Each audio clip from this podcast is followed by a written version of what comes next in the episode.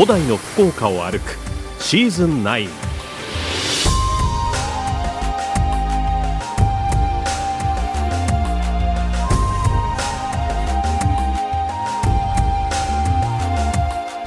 遥かな昔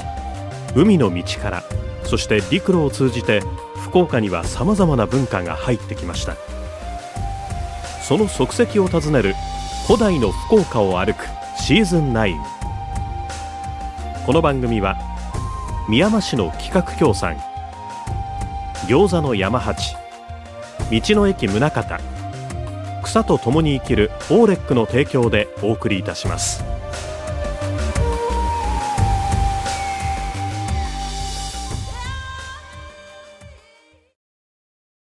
こんばんは坂田修大です。今週も中川市に残る財布参りの道を歩きます。安徳から安徳南小学校安徳南中学校を抜けて梶原という場所にやってきました。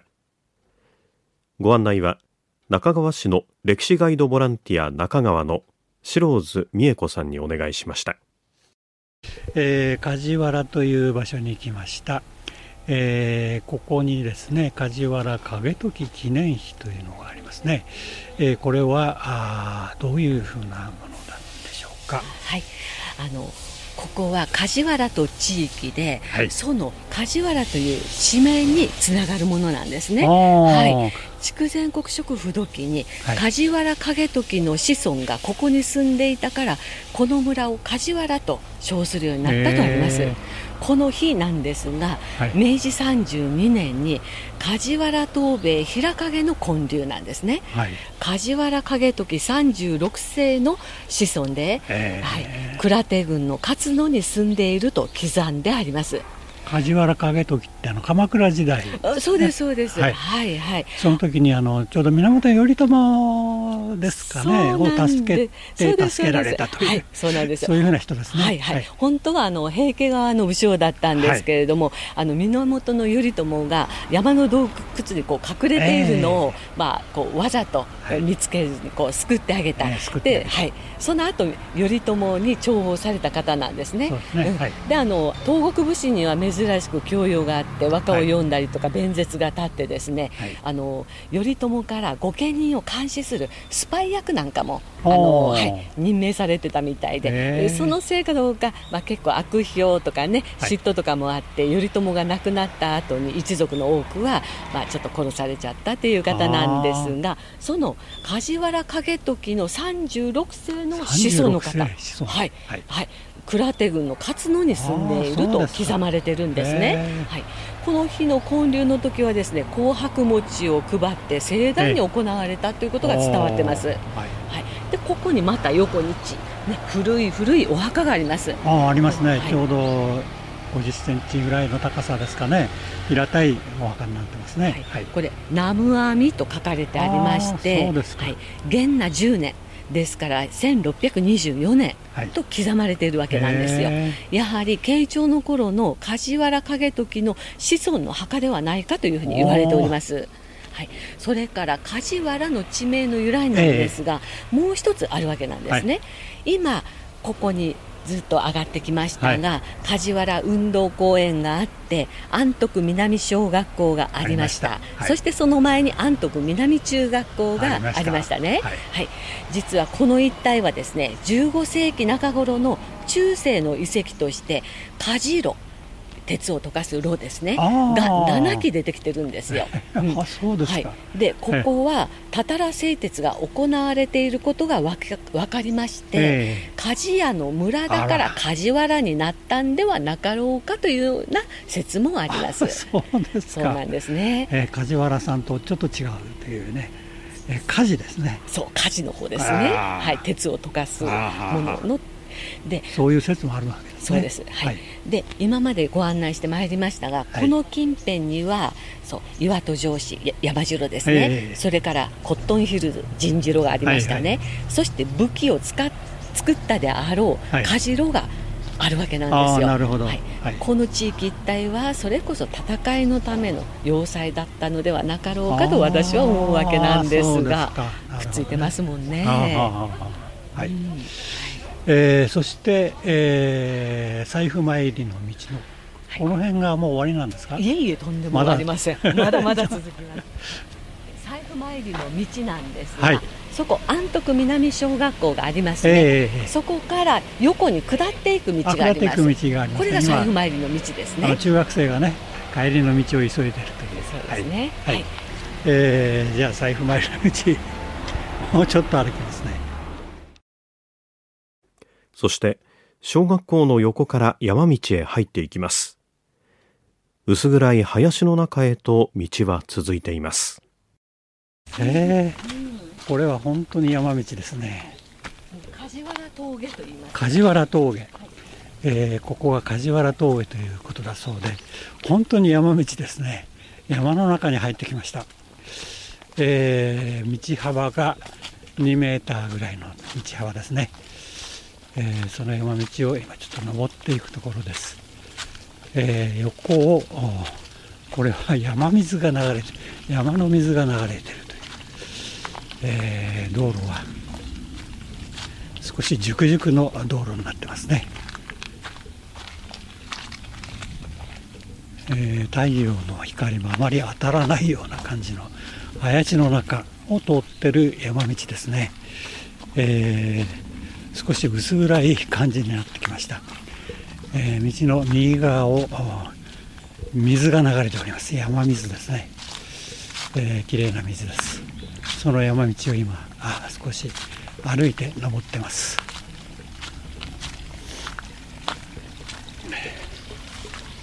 えー、山道を登ってきまして、えー、とここにですねえー、看板が出てまして、えー、見返り道路中川市指定有形民族文化財と書いてますね、えー、見返り道路を括弧して人星とあります、これはどういうことでしょうか、はい、あのこれはですね平成17年に中川市の有形文化財に指定されているんですがこれ一星灯籠のことですよね。灯籠ですね。はい、はい、よくあの御影石とか青銅で作られた灯籠というのはありますが、はい、これは自然石を積み上げて作っている灯籠なんですね。すねえっ、ー、と、うん、あのー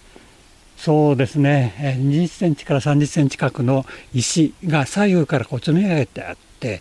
だいたい1メーター半ぐらいのところまで積み上げてあって、上に灯籠が通すようになってるという。そうですね、はい、はい、でこちらの本はあの1803年の頃に地元の梶原の人々によって建立されたものであろうというふうに言われているわけなんですね。はい、はい、でこの人干しっていうものは江戸時代から明治の頃まで太宰府の天神様にお参りするための大切なこれ道しるべ。別所にもございましたよね道しるべがですね。はい、はい、これはここ梶原峠って本当険しい峠道なんですが、はい、はい、もうここのところに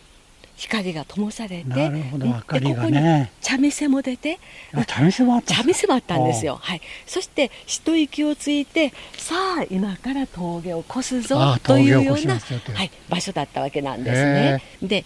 今日はですね岡崎峠から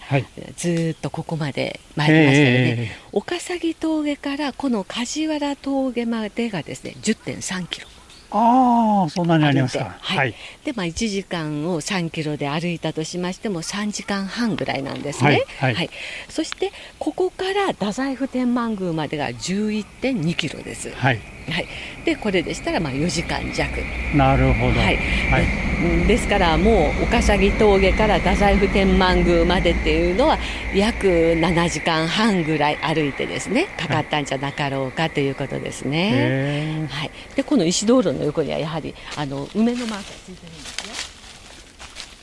よ。梅のマークがついている、はい、ここはやっぱ天神様は梅ですよね。はい石灯籠の火を灯すところですね、はい、えー、上の方にああ梅のマークあ本当だ。梅の花のマークですね、はい、印がつけてあるという。えー、そうですか、はい、まあ、中川市の財布参りの道を、はい。あの今回岡崎峠からずっと歩,、ええ。歩けるところを歩いてきたんですけれども、ええ。はい、今もこのようにね歩ける道があるっていうことを知っていただけたらというふうに思います。はい。でまあ江戸時代はそのように人々の財布参りの道なんですが、ええ。生活道でもあったわけなんです。お参りだけではなく、はい。向こうの方に歩いていく。はい。えでその前はって言ったらそれこそ軍事用の道ですよね。戦いのね、うん。はいそしてあの太宰府成長に行くためにも最短の道でもあったからですね。ですか。はい、もう今現在はですね太宰府天満宮にお参りすると言いますと、ええ。うん千年祭で、ええ。えーと明治の35年になりますか、はいはい。二日市駅からええ。馬車鉄道ができましたね。できましたねはいはい昔ありましたねありましたね。ええうんその馬車鉄道で天満宮まで行く。ただあそこのところにですね第一経済大学、あそこは坂道なんですよ。ええうん坂道は馬一頭じゃ16人乗った馬車は引き上げられない。でみんな降りて馬車を押したそうですね。坂道はい。そして下り坂になった真ん中みみまたみんな飛び乗りましてね、ええ出発みたいな感じでしたね。はいあそうですか。はい、それからの大正2年には蒸気機関車となりました、はあはあはあはい、もうちっちゃなちっちゃな蒸気機関車で,、ええ。で5畳のところで線路がほぼほぼ直角近く曲がってるんですよ、はいはい。うん、だからスピードを落とし損ねたら脱線なんですよ。うん。脱線したらやっぱり乗客の方皆さん降りられてよいしょと持ち上げて、ええレールに戻してまた乗るみたいな感じだったみたいですね。はい。で今の電車になったのが昭和2年。2年に今のような電車になったということですね。はい。はいえーまあ、そんなようなあー歴史のある、えー道、えー財布参りの道をおずっとごご紹介してきました、えー最後はちょっとした山道でふっとふっふ言いましたけどもこのお灯籠ですね、えー見返り道路という道路の名前がついてますけども、なかなかいいもんですね。そうですね。石の灯籠で、はい。あの実はですね、二日市の方に市場があったそうなんですよ。はあはあ。うん。で、子牛がお母さん牛と離されて市場の売られますよね。はいそしたらここで牛は絶対振り返って。だから見返り灯籠っていう名前がついあたとかですね。はい、そういうふうな言われもあります。牛が振り返ってそうです。はい、市場に売られるのは嫌だと。うん。はい。ちょっと悲しい言葉ですね。あ、そうですね。あついてますねうんあの訳を聞くとですね。はい。でもこれ明かりがつくとなかなかいい感じじゃなかったんですかね。いやあのそうですねあの梶原の里人の方たちがやっぱりここのところ明かりをちゃんとねええ灯してあって、ええうん旅人のためにですね、はい。ええまあそれも大変でしょうけどね。えー見返り道路という名前がついているちょっと悲しい名前ですね。そんなところを今歩いて降りてます。大野城市に今も残る財布参りの道を歩きました。そしてさらに太宰府へ向かって歩いていきますと水木付近に出ます。水木はかつて唐と新羅の連合軍が攻めてくるのではないかと思われ九州の防衛のために築かれた施設です。そこで今度はこの水木を隅々まで歩いてみることにしました。県道31号線沿いにあります水木夢広場からスタートします。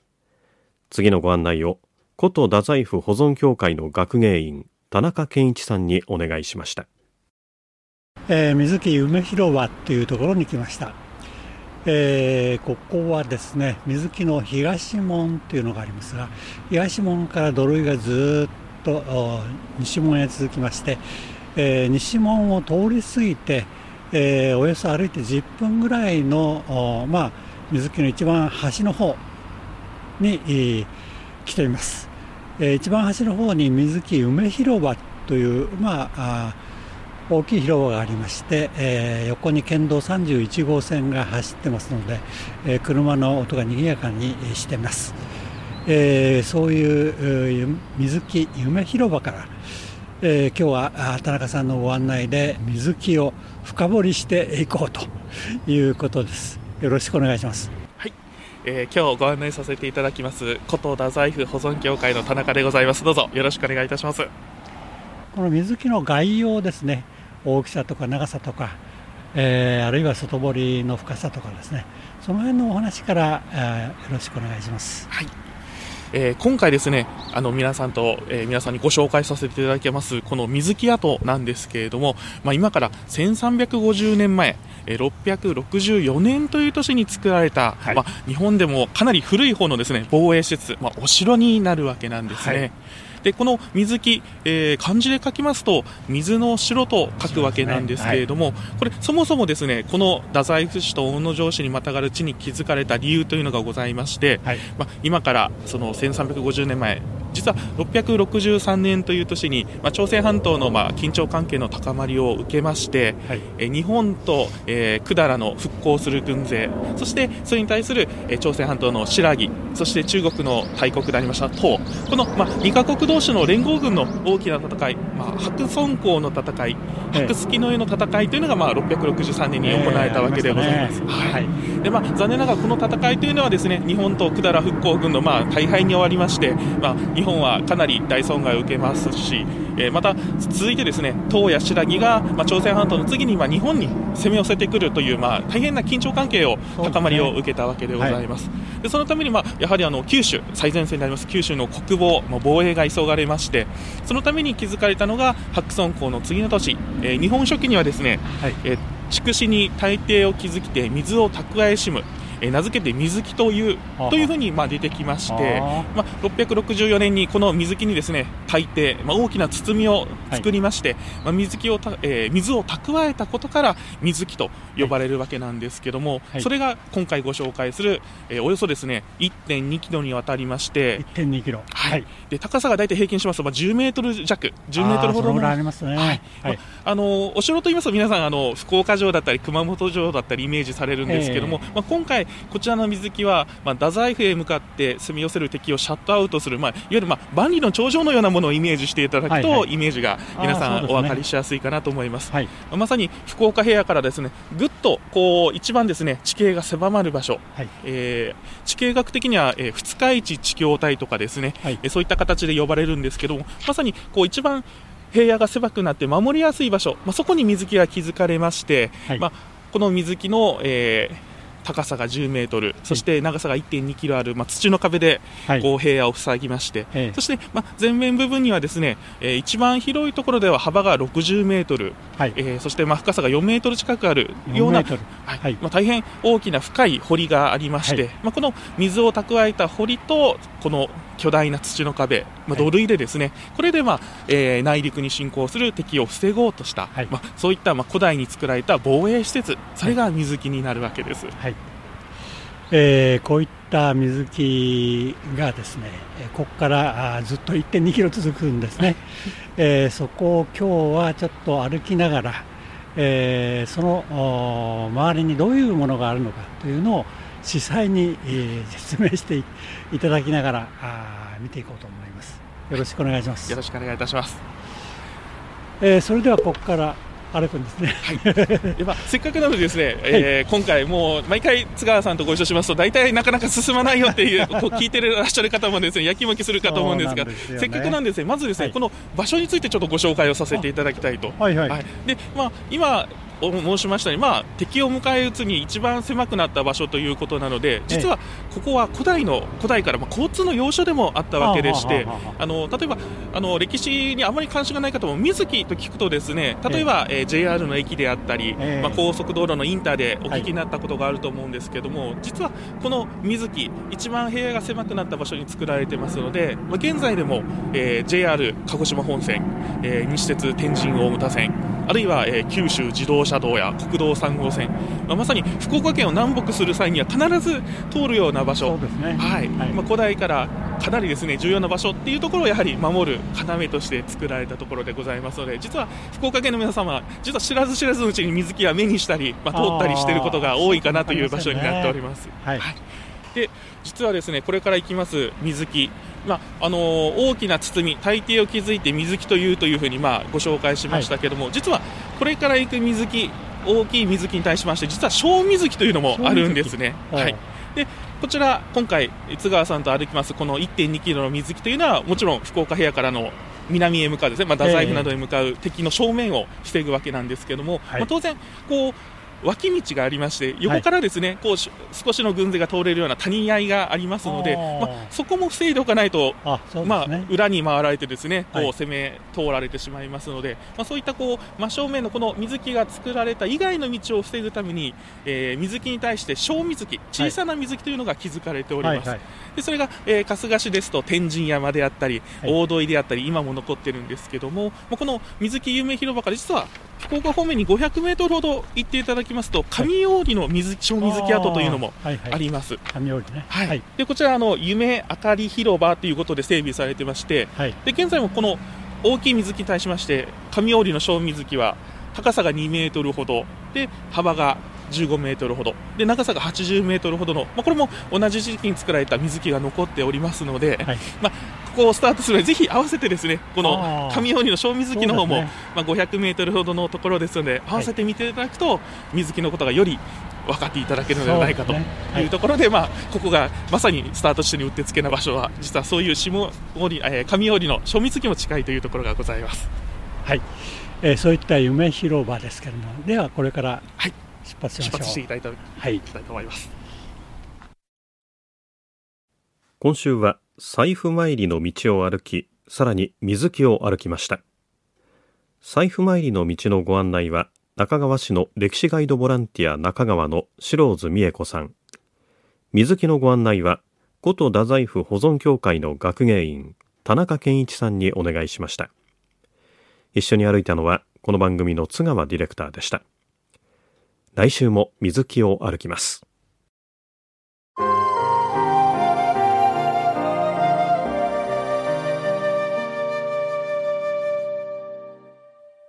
ここで古代の福岡を歩くリポーターの中島理恵さんです。こんばんは。こんばんは。今日は太宰府天満宮のすぐ近くにあるうどん屋さん財布うどん、ご紹介しようと思います。うん、財布参りと来たら、じゃ財布つながりでとここに来たんですけど、この財布うどん、え実はですね、お店11年目なんですが、もともとは製麺所。昭和23年からやってらっしゃるんですよね。かなり長いんですが、この財布うどんの財布、福岡の人だったらみんな知ってると思うけどねって、えー、店主の松藤聡さんがおっしゃるんですが、太宰府のこの財布、太宰府天満宮のあるエリアの住所でもあるんですよね。うんで、ただ県外の人からすると、この財布ってお財布の財布ですか？とか聞かれちゃうんですって。うん、あ、そうなのねと思ったんですが、この財布うどん、木村製麺所、お店の中に入ると L 字型のカウンターで8席ぐらい座れるのかな。割とこじんまりしたお店なんです。はい、で、出てきました、財布うどん。福岡のうどんって割とあのふっくらしてますが、あれを思い浮かべていただく麺よりももうちょっと太めです、麺が。上にネギとわかめと貝割れと、あとかまぼこが2枚乗ってます。まずはお出汁をいただいたんですが、結構ね、力強い風味で、塩味もしっかりしてます。顎とウルメウヤシとサバをベースにとってます。でもあとやっぱりこう製麺業もが本業なんですけどだしももうその日のだしにこだわってますんでだしがだしと麺が終わったらもう店を閉めるともう聞いてるだけで食べたくなりますね。でしょう。うん、で、お出汁だけだとちょっと強いかなと思ったんですが、いざうどんと一緒に食べると、うどんがもっちりしてて、ちょっとね、がっしり食べ応えがあるんですよ。で、この麺が財布うどんの最大の特徴なわけです。もう一番は石臼引き、全粒粉を一臼引きで引いてます。で、あの、太宰府の完全恩寺ってありますけど、あそこに日本最古の石臼があるっていうのもあるんで、うん、石臼にこだわってるんですね。そうなんですよ。だからあのね、小麦の味が分かりやすいと言いますか、うん、あの、なんとも言えない風味が口の中に広がるんですね。うん、色もあの、白というよりもちょっとこう、薄い小麦色が混じったような、そんなのが感じられるような白なんですよ。えーで、まあ本来の福岡の柔らかいおうどんっていうのはこういったのだと思うんだよねって店主の松藤さんおっしゃるんですが、さあ、お客さんの反応はどうなんでしょうか？その昔太宰府で食べられたうどんがこういった感じだったのとちょっと復元して作ってます。はい。お客さんの反応ってどうですか？やっぱなんかおばあちゃんとかだと、なんか昔のうどん懐かしいとか言われますね、でもあの本当若い方はまた別物で今やっぱりカップ麺とか冷凍麺ってもう主流になってるんでなんかあこれがうどんなんですかっていうのも多少ある部分もあるんですけどただやっぱり年配の方が来られた時は懐かしかこれがうどんよねって逆に言われるとちょっと僕らも嬉しいかなと思いますね。わかります。ほっとするんです。落ち着くんですよ。福岡のうどん派だ坂田さん、はい、もうそんな人ね絶対お勧めしたいんですけどもともと昔お寺とか神社参道にはうどんやそばを出す茶店がいっぱいあったんだけど今その参道のね様子も変わってきたからねっておっしゃるんですねでもメニューのねパッとメニューを見たらですねすっごい気になるワードが。替え玉。あ替え玉あるんですか？ちょっとびっくりしたので 聞きました。やっぱり製麺所のあれですね。製麺業が本業ですから麺はありますんで。でもこれ財布うどん買い玉したら正直お腹パンパンですよね。いやちょっとあのまたこれまたですね製麺所なんで普通は大体 200g なんですよちょっと230ちょっと 麺の量もちょっと多いんでですね。はい、まあ、やっぱその辺をやっぱりちょっとあの製麺所の武器として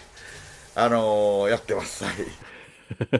そう。普通のうどんよりもちょっと2割ぐらいお腹がいっぱいになる感じだなと思ったら案の定でした、だから子供さんは最初から一杯は半分こにしてねとかっていうのまあもちろん松藤さんが案内を入れてくれるんですけどね。でこの財布うどんで絶対に食べてほしいのが季節の天ぷら。今時だとブロッコリーとか菜の花、はいで、製麺所だから、道の駅とかにおろしてらっしゃるんです。けども、その時に仲良くなった農家さんから、取れたてのお野菜とかを仕入れてきて出すので、すんごい美味しい天ぷらが一緒にいただけるんですよ。2月になったらアスパラガスとか、あとあの、タケノコの時期になったら、製麺所の釜で炊いたものを天ぷらにしたりとか、ラッキーな日は天然のタラの芽が出たり、もうすんごいいいおうどん屋さんなので、西鉄の太宰府駅から参道に入って、最初に交差する小道、小鳥居商事を左に曲がって、先の方にありますので、ぜひ、財布うどんで温まってください。中島理恵さんでした。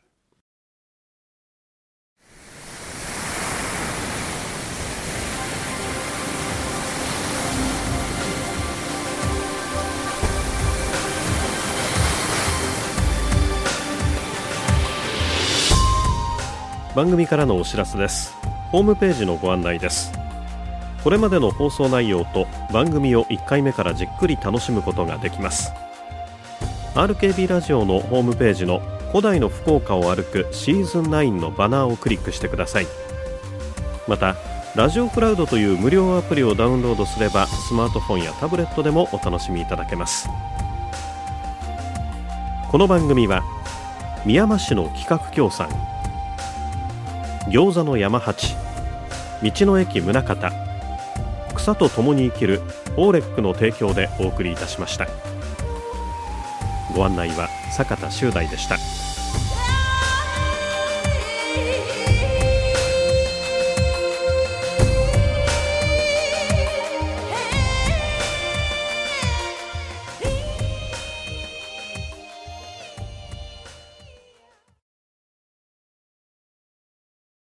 ここで Google ポッドキャストをご利用の方へお知らせです。Google ポッドキャストは2024年6月23日をもってサービスを終了します。引き続きこの番組をお楽しみいただくには、ラジコ、Apple Podcast、Spotify、Amazon Music、YouTube Music、いずれかのアプリをご利用ください。これからも RKB ラジオのポッドキャストをお楽しみください。